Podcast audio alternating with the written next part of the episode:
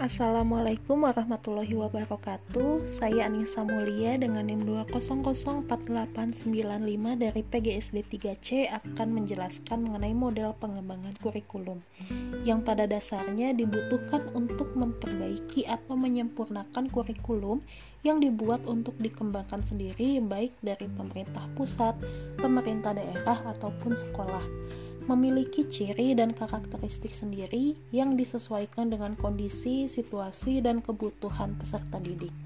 Lalu terdapat lima model pengembangan kurikulum menurut para ahli. Yang pertama ada model Tyler, pada tahun 1949.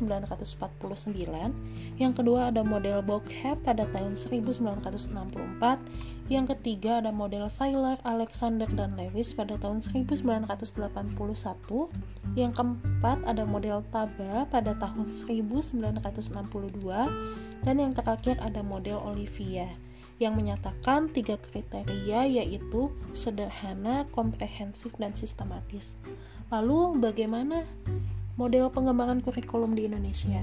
Nah, di Indonesia sendiri e, sudah mengalami 9 model pengembangan kurikulum yang diawali pada tahun 1964, lanjut kepada tahun 1968, 1975, 1984, 1994, 1999, kurikulum 2004, lanjut ke kurikulum 2006 atau 2007 dan yang terakhir yang kita alami sekarang yaitu kurikulum 2013 di mana kurikulum 2013 ini mencoba untuk mengurangi beban guru secara administratif yang kemudian guru itu hanya akan terfokus pada proses pembelajaran.